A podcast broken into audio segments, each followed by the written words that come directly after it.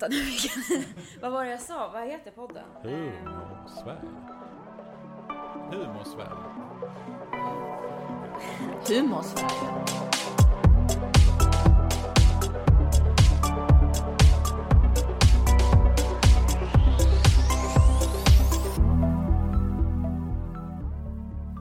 Då var vi tillbaka med ett nytt avsnitt av Sverigehälsans podcast Humor Sverige. Idag ska vi behandla ämnet kris och vad det innebär och hur man utför ett bra krisstöd. Eh, Det ska jag göra tillsammans med en av två lärare på vår utbildning i just kris och krisstöd. Eh, Hon befinner sig just nu i USA. Eh, Välkommen till vår podcast Maria Linde. Ja, men tack så mycket. Det känns jätteroligt att få vara med. Ja, jättekul att ha dig här. Hur är läget där borta? Det är ju valdag idag. När ni lyssnar på det här så är ju valet avgjort. Men eh, vi kan ju fråga dig nu, hur, ja, men hur är stämningen? Ja, men visst, det liksom dallrar ju i luften här, helt klart. Alltså, det är en anspänd stämning Mm. eh, där, eh, hos, hos de flesta. Och sen finns det ju de som dessutom verkligen ja, men är skraja på vad det kan bli för följder. Och Mm. till och med de som har bunkrat upp både mat och vatten och så är beredda på olika typer Mm. av upplopp och så. Så vi får se. Det är helt klart en anspänning i luften och något som är på alla människors läppar i, idag såklart. Och vi kommer väl kanske inte heller få veta resultatet idag högst troligt heller. Så det kommer bli säkert några Mm. veckor kanske eventuellt av anspänning. Så det är lite spännande tid, helt klart. Ja, men så läskigt hur det har kunnat gå från ja, men att bli en sån stämning i så pass liksom modernt land på många sätt. Ja, jo, men det är en uppiskad stämning, det är det. Mm.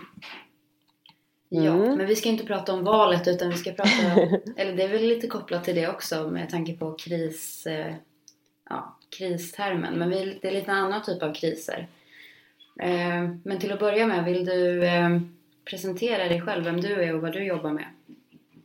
Ja, jag är legitimerad psykolog då och har en, egentligen har jag jobbat med människor hela mitt liv faktiskt, inom omsorg innan jag blev psykolog och sen i öppen psykiatri och sluten psykiatri och sen även privat som psykolog, då, alltså privatpraktiserande. Mm. Och sen har jag också jobbat som professionsansvarig för Sveriges psykologförbund så där gav jag mycket rådgivning gällande professionella dilemman till psykologer.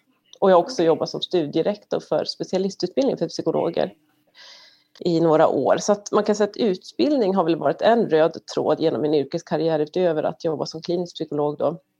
Och jag har jobbat, eh, fem år har jag jobbat med Sverigehälsan nu, bland annat den här kursen då. Det är jätteroligt, så jag har ju mött otroligt många, inser jag nu, när man samlar ihop det, kompetenta krisstödjare runt om i Sverige under de här fem åren. Så det, och, och roligt. Och sen så valde vi, vi ville ha lite mer utmaning och spänning i livet för några år sedan, så att då valde jag och min man att flytta till USA. Det var ju en lång, en lång resa förstås. Och nu är vi här i Phoenix, Arizona, där solen alltid skiner och det är varmt och härligt, eh, palmer och öken.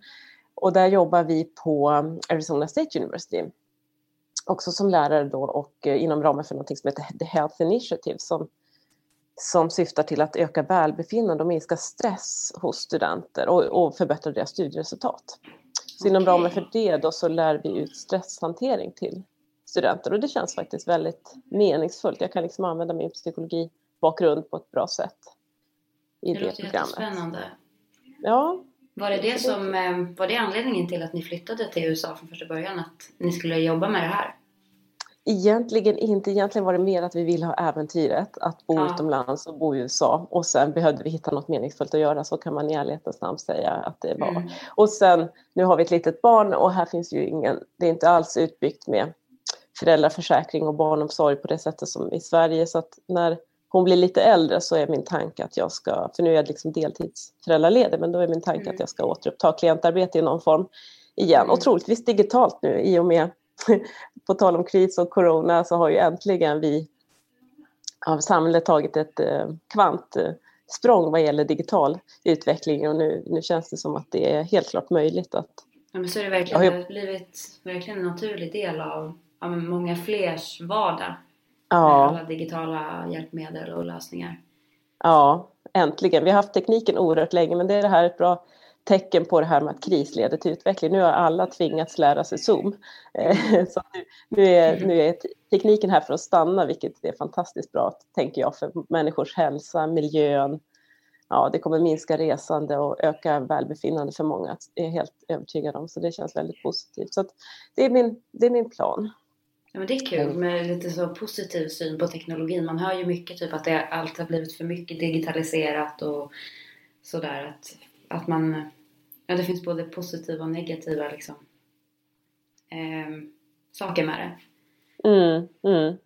Jo men det tycker jag. Men eh, ni som har bott i både USA och Sverige under, under coronapandemin till exempel som är en stor kris, samhällelig kris. Finns det några uppenbara skillnader i hur man eh, bemöter, alltså hur man ser på det rent kulturellt?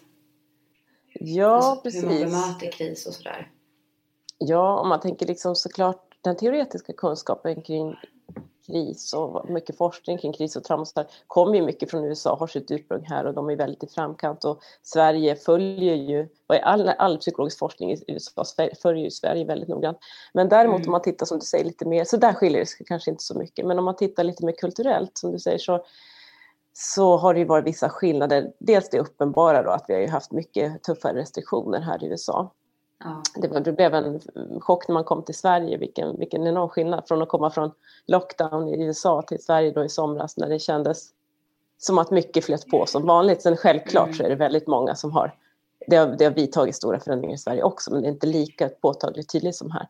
Men sen så kan man ju, här är så dikotomt och så politiskt och splittrat liksom, och det är ju, känns väldigt annorlunda som svensk, det här med att det är politiskt hur man följer riktlinjer, hur, hur, hur man ser på hela coronakrisen så att säga och, och, hur, vilken compliance eller följsamhet man vill ha till olika typer av restriktioner. Så mm. det har varit, det är polariserat på det sättet, det kan nästan bli ett politiskt statement. Mm. Och sen kan man ju se också generellt att USA, jag menar media har ju en oerhört stor, stor roll i coronakrisen och i all, när det blir en katastrof liksom, så har medien väldigt stor roll. Alltså man kan ju spekulera kring hur hade den här utvecklingen sett ut före internet. Liksom. Alltså den enorma spridning av information, missinformation och så vidare har ju ja, men, piskat upp stämningen kring det här helt klart och försvårat tror jag på många sätt. Men sen så, vad skulle jag säga mer om det där, det var att eh, eh, jo men här generellt så är ju media liksom mer fear-based och opinions baserad mm. eller åsiktsbaserad. Så det är ju liksom mer åt propagandahållet om man tänker och, och, och lite så uppskrämmande ton. Va? I Sverige, jag är, jag, är, jag är stolt över Sverige, att Sverige har vågat hålla den här unika väldigt balanserade tonen i hela den här coronakrisen, genom hela coronakrisen och liksom på ett balanserat sätt väga de medicinska aspekterna och hänseendena mot alla andra viktiga hänseenden som hur människor mår psykologiskt, hur vi ska må på lång sikt och såklart världsekonomin och så vidare. Alltså Sverige har ju mm. vidtagit en på det sättet det kan man kan fundera, hur, hur kommer det sig att Sverige har lyckats med det? Alltså Sverige är ju ändå ett välmående land om man tänker utifrån ett krisperspektiv så har liksom Sverige haft tillgång till de högre funktionerna genom att alltså behållit sitt lugn och inte det här kanske gjort fort och fel om man säger så. Alltså i andra kulturer och även här är det liksom lite mer oj, vi måste göra något, vi måste liksom agera, vi måste mm. agera starkt, skarpt, bestämt. Och så är det kanske fort och fel. Alltså är de här åtgärderna, vilka är egentligen bra? Det är klart att vi, vi har inte facit ännu, men Sverige, jag är imponerad av att Sverige har lyckats ha en sån balanserad och nyanserad hållning genom hela den här coronakrisen och i hela åtgärdspaketet därmed. Och sen också fått stå ut med så mycket kritik från omvärlden men ändå liksom kunna följa linje. Man får väl se hur, hur, vad som visar sig vara det rätta eller vad man ska säga i längden. Men en sak är väl att, ja men, du, du pratar om mediernas roll och sådär, att ja, men propaganda skrämmer upp och det kan bli alltså helt fel effekt att liksom människor blir rädda och får psykiska liksom, att det blir psykiska följder hos människor liksom, att man får psykisk ohälsa på grund av det liksom. Ja men visst, visst absolut.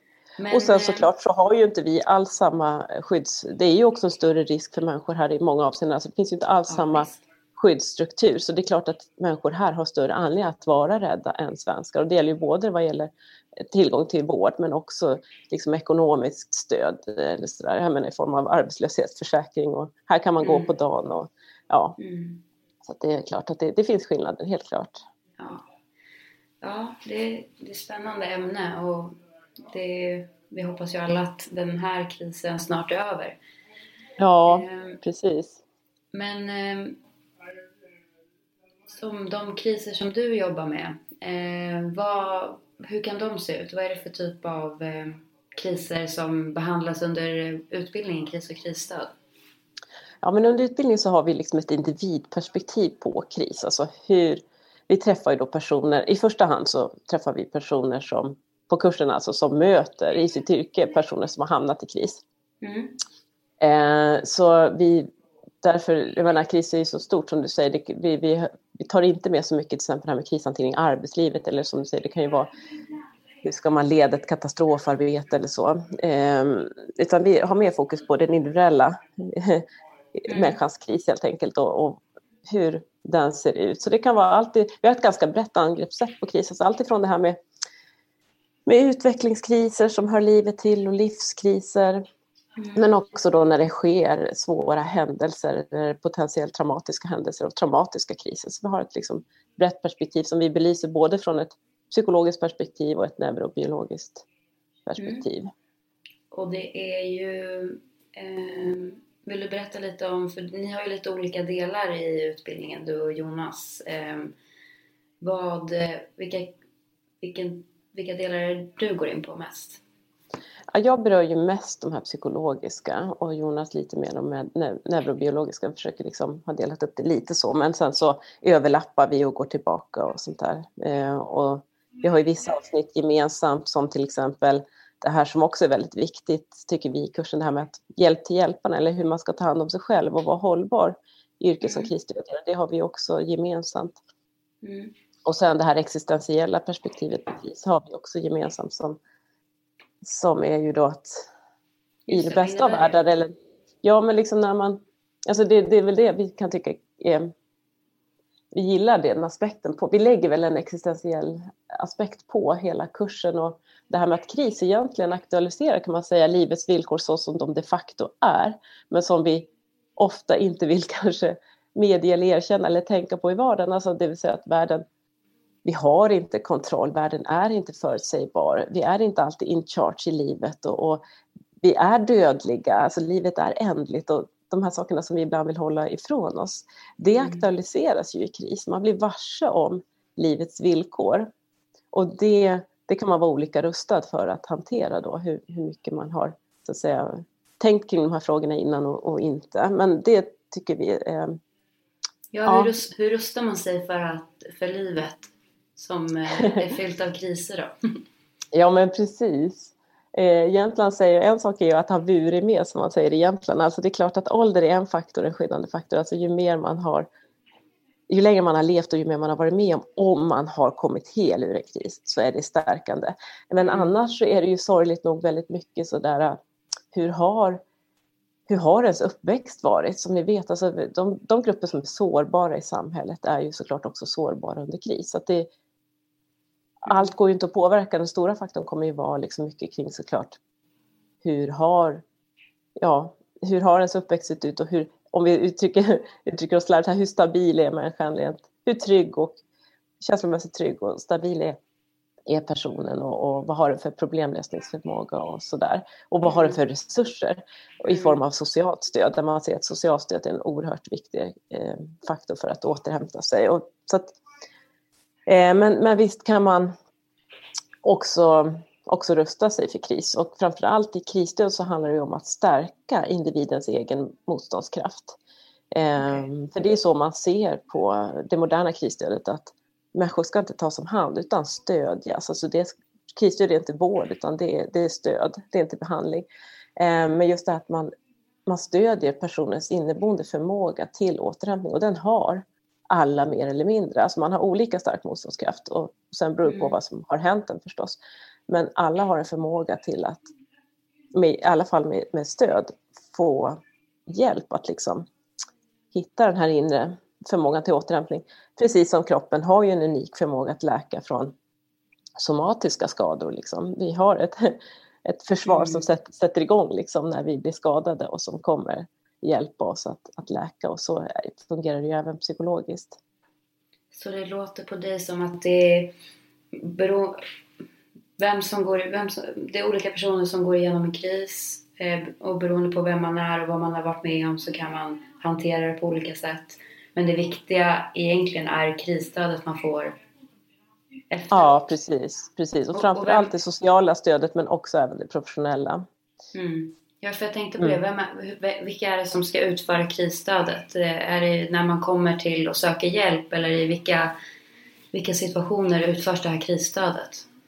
Ja, men precis. Det kan ju utföras väldigt brett. Och, och alltså det, för det första kan man tänka att rent teoretiskt så är det här med krisstöd relativt nytt. Och det finns ju såna internationellt vedertagna riktlinjer, psykologisk första hjälp, just vad man ska mm. göra vid allvarliga händelser och så där, som är framtagna mycket för att hantera katastrofer och när stora grupper mm. eh, blir drabbade. Och där finns ju också såna vägledande principer för krisstöd. För man säger ju också just det här, krisstöden måste ju alltid anpassas efter individen och situationen och kontexten och så vidare. Men man finns ändå vissa sådär vedertagna principer för hur det bör göras och sen behöver man hitta den här anpassningen. Och egentligen, så kan man, egentligen kan man tänka att nästan alla människor som i sitt arbete möter människor skulle kunna ha nytta av att gå en utbildning i kris och krisstöd. Därför att vi kommer alla någon gång drabbas av kris någon gång i livet. Mm. Eh, men de flesta vi har på vår kurs eller har haft, det har ju såklart varit de som, som du säger, som på ett direkt sätt i sitt arbete möter människor i kris. Det kan vara väldigt mycket socionomer, hälso och sjukvårdspersonal har vi haft. Mm. Eh, till exempel de som jobbar på akuten och möter då människor som kommer in och anhöriga, då blir det ju kanske främst att ta hand om eftersom personen i sig kommer ju behöva akutvård, men då möter de anhöriga och sen så de är en stor grupp och sen, men det kan också vara inom andra sektorer inom vården. Alltså det finns ju otroligt många kuratorer runt om i Sverige som möter människor som har, man kanske har sökt vården för något somatiskt, men det kommer ju också drabba en emotionellt. Liksom. Mm. Att man har varit med om en olycka eller fått något funktionsnedsättning, funktionshinder, eh, ja, allvarliga sjukdomsbesked eller döds, dödsfall. Men det är också, vi har, mött, vi har haft många inom rättssystemet eller så som liksom möter brottsoffer i olika, mm. ja, på olika um, platser eller i olika settings. Sen har vi såklart en stor grupp, du vet hela polis och militär och alla de här, men de har ofta interna de har väldigt välutvecklade utbildningsstrukturer eh, för det här så de kommer sällan på vår kurs. Men vi har mm. också haft ledare och chefer eftersom liksom medarbetare hamnar i kris och det kan ske saker på arbetsplatser. Eh, vi har också och haft liksom andra, ja HR har vi haft många och även så här, folk på konsulat och lite så här, ja, men liksom alla som kan på något sätt möta en människa som har drabbats av någonting helt plötsligt. Liksom. Mm. Till exempel då utomlands, svenskar utomlands som behöver hjälp att ta sig hem, någonting har hänt och sådär. Mm. Ja, så det är många som kan ha nytta av eh, kunskap inom, inom krisstöd och bemötande överhuvudtaget med krisdrabbade personer. Ja, absolut. Men eh, de här kriserna som eh, människor drabbas av. För du har ju jobbat med det här under ganska många år har liksom, vilka typer av kriser människor går igenom, har det förändrats eller är det något som är konstant? Vad är det för typ av kriser man lär, lär sig möta? Ja, precis. Jag vet inte om, jag, om det har egentligen förändrats. För jag tänker att det finns en, på ett sätt man skulle kunna säga... Ja, det där får du klippa bort.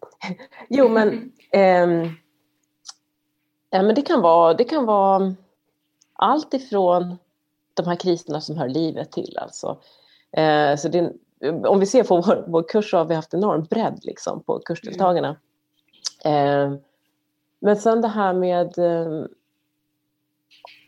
om kriser har förändrats. Det, det, är en sak som jag kan se och som vi kommer få se ännu mer i framtiden. Det är ju det här med att, att leva med... Alltså det blir en annan typ av kris. Det här med att till exempel att allt fler överlever cancer. Mm. Vi har allt fler såna autoimmuna sjukdomar och, och, och, sjukdomar vi lyckas leva med, eller smärttillstånd. Alltså de här, hur hjälper man människor där? Eller fun funktionsnedsättningar på olika sätt. Alltså det här med att leva med någon svårighet som inte går över. Mm. Alltså För den, den traditionella, det där finns mycket kunskap inom kris och trauma, är ju det här att man, man, man är frisk och mår bra och lever ett vanligt liv och så händer någonting. Och sen får man en chans att återhämta sig. Men när krisen bara är pågående och pågående, det här kan vi se väldigt mycket av de som kommer på våra kurser som jobbar inom habiliteringen. De möter mm. föräldrar som har fått barn med funktionsvariation eller funktionsnedsättning. Eh, och det är liksom hela livet. Det är, alltså det är en ständig, ständig stress alltså att förhålla sig till det här med barnets utveckling och, och, och ja, liksom att, att följa barnet och stötta barnet att utvecklas i, med, sina, med den här funktionsvariationen och så vidare. Just så, det, så det tror jag vi... långvariga kriser. Så ja, men långvariga kriser. Man på ett helt annat sätt eller samma mekanismer? Jag tänker, är det, jo, men jobbar man med acceptans och så, sådana verktyg? Ja, men precis. De behöver ju också lära sig, kan vi säga, tänka stresshantering. För de är ofta, en, till exempel föräldrar då, till funktion, barn med funktionsvariation, de löper ju risk för stressrelaterade besvär, det, det ser man.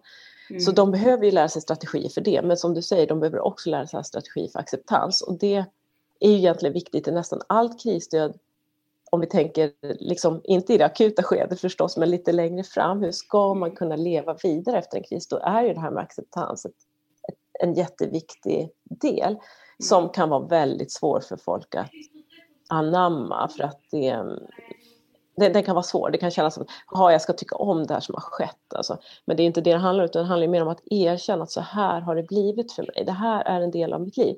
Och vare sig jag vill eller inte så måste jag leva vidare med det här. Eller jag kan ju välja naturligtvis att, att duka under, men om jag vill leva vidare, hur ska jag inkorporera det här som har skett i mitt liv, erkänna att det har skett, men ändå hitta ett värdefullt liv. Så att acceptansbegreppet belyser vi på kursen och det är ju viktigt i allt krisarbete om vi tänker de här som har möjlighet att följa individer över en lång tid. De kommer nästan alltid dit. Alltså att hur ska man kunna leva vidare och släppa det här, släppa kampen? För mm. där kan man, det är en sån där det är en sån riskfaktor med kris att man kan, man kan eh, fastna i kampen att det här borde inte ha skett. Jag, det här, det här, alltså, varför har det här drabbat mig och det här borde inte ha skett. Jag borde ha kunnat undvikit det eller det är inte rättvist eller vad det nu kan vara. Liksom. Mm. Så, att, ja, så det är väl, om jag ska säga något så kan vi tänka oss att det kommer bli ännu mer stöd som behöver sättas in för de här grupperna som på olika sätt lever med smärta. Antingen mm. fysisk smärta eller psykologisk smärta och ovisshet. Alltså till exempel att, att, överleva cancer men ändå aldrig liksom riktigt veta, kommer det komma tillbaka? Gå på ständiga kontroller. Alltså att leva med ständigt liksom, hotet är närvarande. Vi kan liksom mm. inte lägga hotet bakom oss. Hur förhåller man sig då?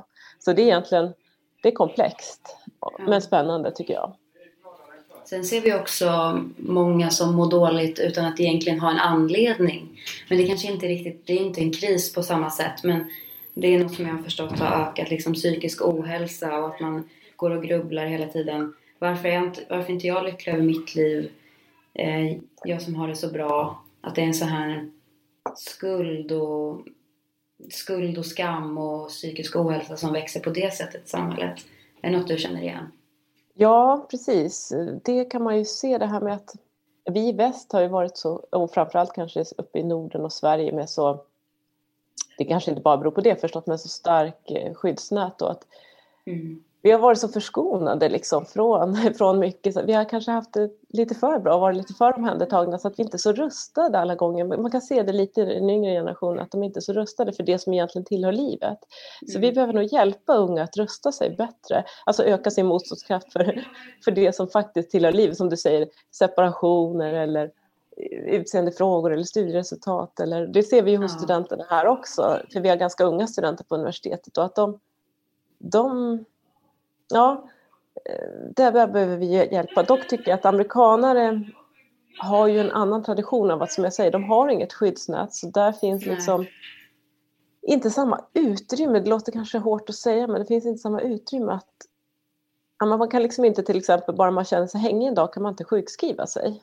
Eh, Nej. Det går inte. Så att man, man tvingas på ett annat sätt att upprätthålla vardagliga rutiner och liksom ta sig samman här. Och det, det, jag säger ju inte att det, bara, det verkligen inte handlar bara om det, men det, det är viktigt det här med att ändå vidmakthålla vardagliga rutiner och liksom fast den inte känns bra så går jag ändå till jobbet. Alltså sådana saker är ändå viktiga att göra och mm. därför kanske man de är lite mer resilient här. Men, men generellt som du säger, ja, så kanske det finns en tendens till att man inte är rustad för för det som egentligen tillhör livet. Och vi har ju liksom stuvat undan död och äldre och vi har ju haft en så väl utbyggd omsorg och välfärd som har tagit hand om eh, sådana frågor så att vi inte har behövt bemöda oss med dem. Och, och, och vi har varit förskonade från krig under lång tid och, och, även större naturkatastrofer och sånt där. Så att jag tror att vi, om man jämför med många andra länder i världen så är vi liksom mindre rustade för det som egentligen tillhör livet. Mm. Så om man, har du några tips eh, i vardagen? Du pratade om det här begreppet res, resili, resilient, säger man så? Resiliens? Mm. Ja, resiliens eller motståndskraft. Motståndskraft. Hur kan man, bygga upp, kan man, hur kan man jobba på att bygga upp sin motståndskraft? Ja, alltså generellt kan man ju tänka sig en hälsosam person, alltså somatiskt och psykiskt hälsosam person är mm. mer resilient. Så det är att börja bygga upp hälsorutiner. Mm. Att bygga upp ett nätverk så att man inte är ensam, alltså i mm. den mån det går. Det är ju många som är ensamma är ju det för att de liksom, av olika skäl saknar bra nätverk. Så det är inte alldeles enkelt förstås. exakt, det är inte så lätt att säga till någon då att du, du får bygga upp det här så att du kan klara dig. Nej, nej, därför men... våra vård, vård och omsorgsinsatser insatser ska finnas. Men såklart. Ja. Nej, och sen generellt liksom att, att att, att kanske vidga sin comfort zone lite, alltså att komfortzon alltså att göra mer saker som utmanar en i livet så att man inte lever för skyddat. Eh, så att man, så att man eh, i, i små doser får känna sig stärkt, att, jag, att man, man behärskar olika saker. Alltså att känna att man är herre i sitt liv är en viktig faktor, att inte uppfatta att andra styr, utan jag kan påverka mitt liv, jag kan styra mitt liv. Mm. Um, är viktigt. Och, och sen, men, men överlag, det, det är ju, som jag säger, mycket av det här kommer ju vara, kommer ju vara de allra flesta tänker jag vill ju må bra och mår man inte bra så beror det på att man av olika skäl inte har förmågan till det. Så det är inte alldeles enkelt. Jag tror att det är viktigt att mm. när man möter en person som är i kris att då stötta personen. Den kanske behöver hjälp att stärka sin motståndskraft. Och, och i det här initiala skedet kan det ju vara då att då handlar det om att kanske överleva och inte leva. Så då, då gäller det att stötta individen att så fort det går att återuppta vardagliga funktioner och liksom, ja men du vet, hitta, vara ganska hård med sig själv med olika vardagliga rutiner som man måste göra. Man måste kliva upp och duscha, bädda sängen, äta. Man måste få lite dagsljus varje dag, man, någon form av motion varje dag.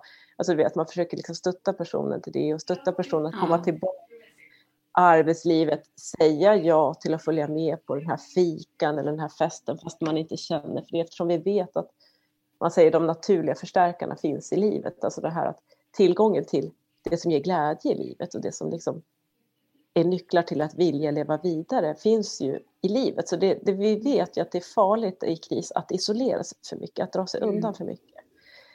Jag har ehm. faktiskt hört om något eh, samhälle, jag kommer inte ihåg exakt vart det var, men att eh, man har jämfört, för där lever folk som, som längst i världen.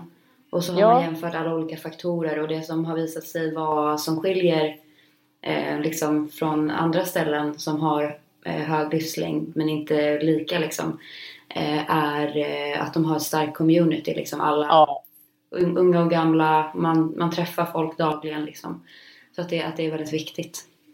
Det är väldigt viktigt och det ser man ju i forskning på, på krisstöd också att det är, den, det är den mest centrala faktorn för bra återhämtning. Det är att man har ett bra nätverk, som du säger, ett bra socialt stöd.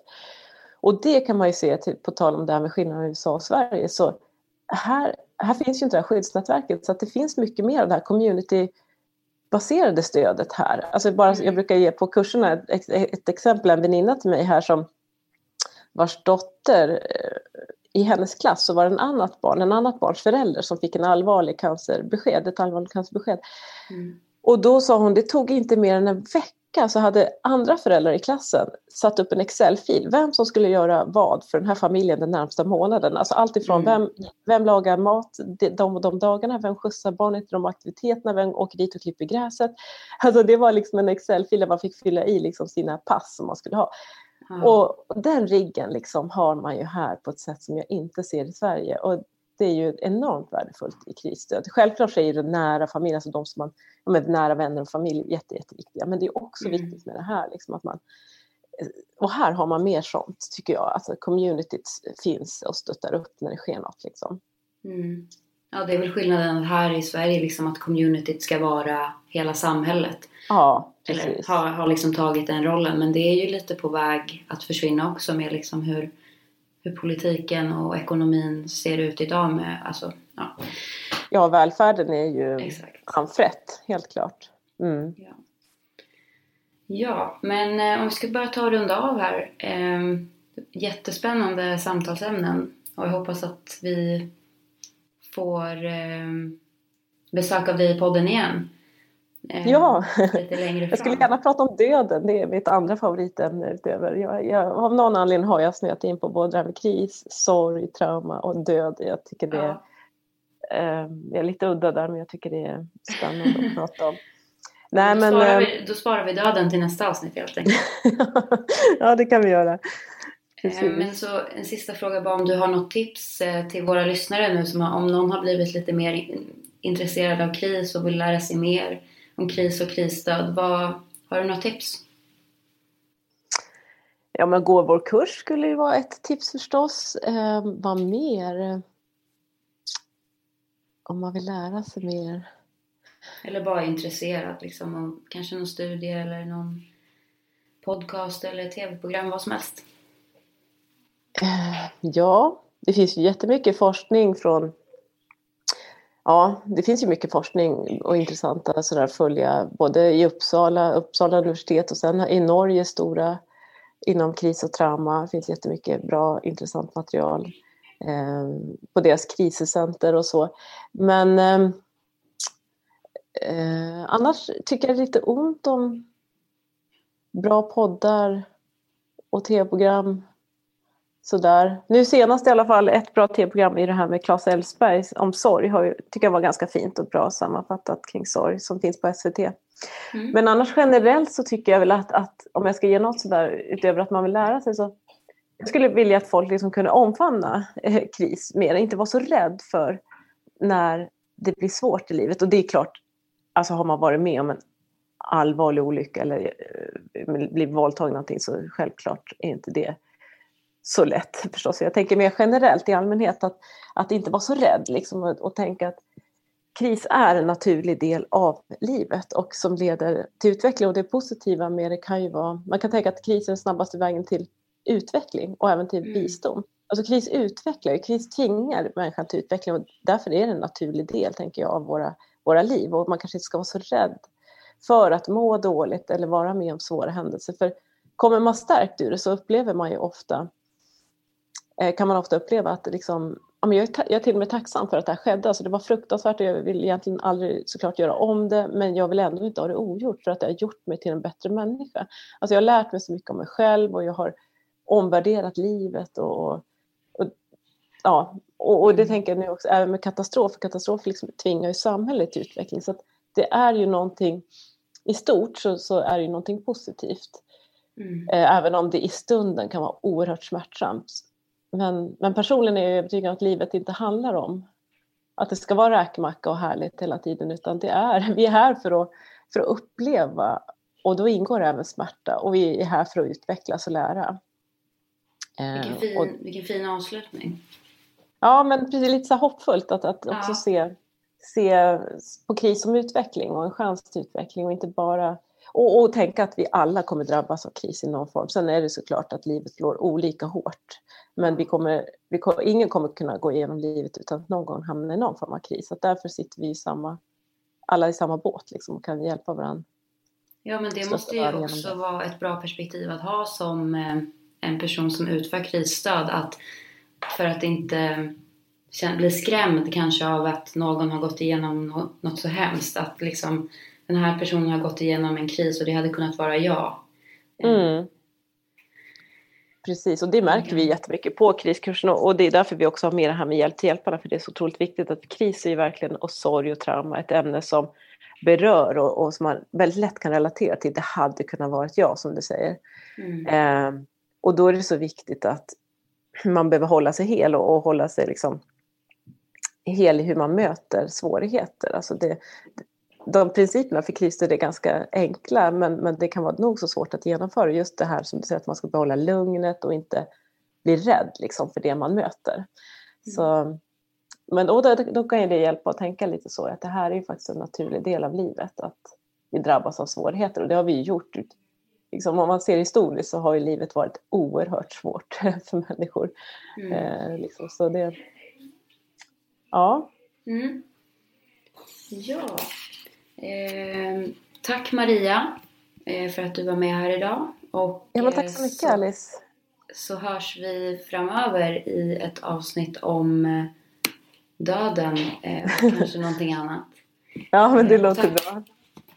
Tack alla ni som lyssnat. Vi ses igen i nästa avsnitt.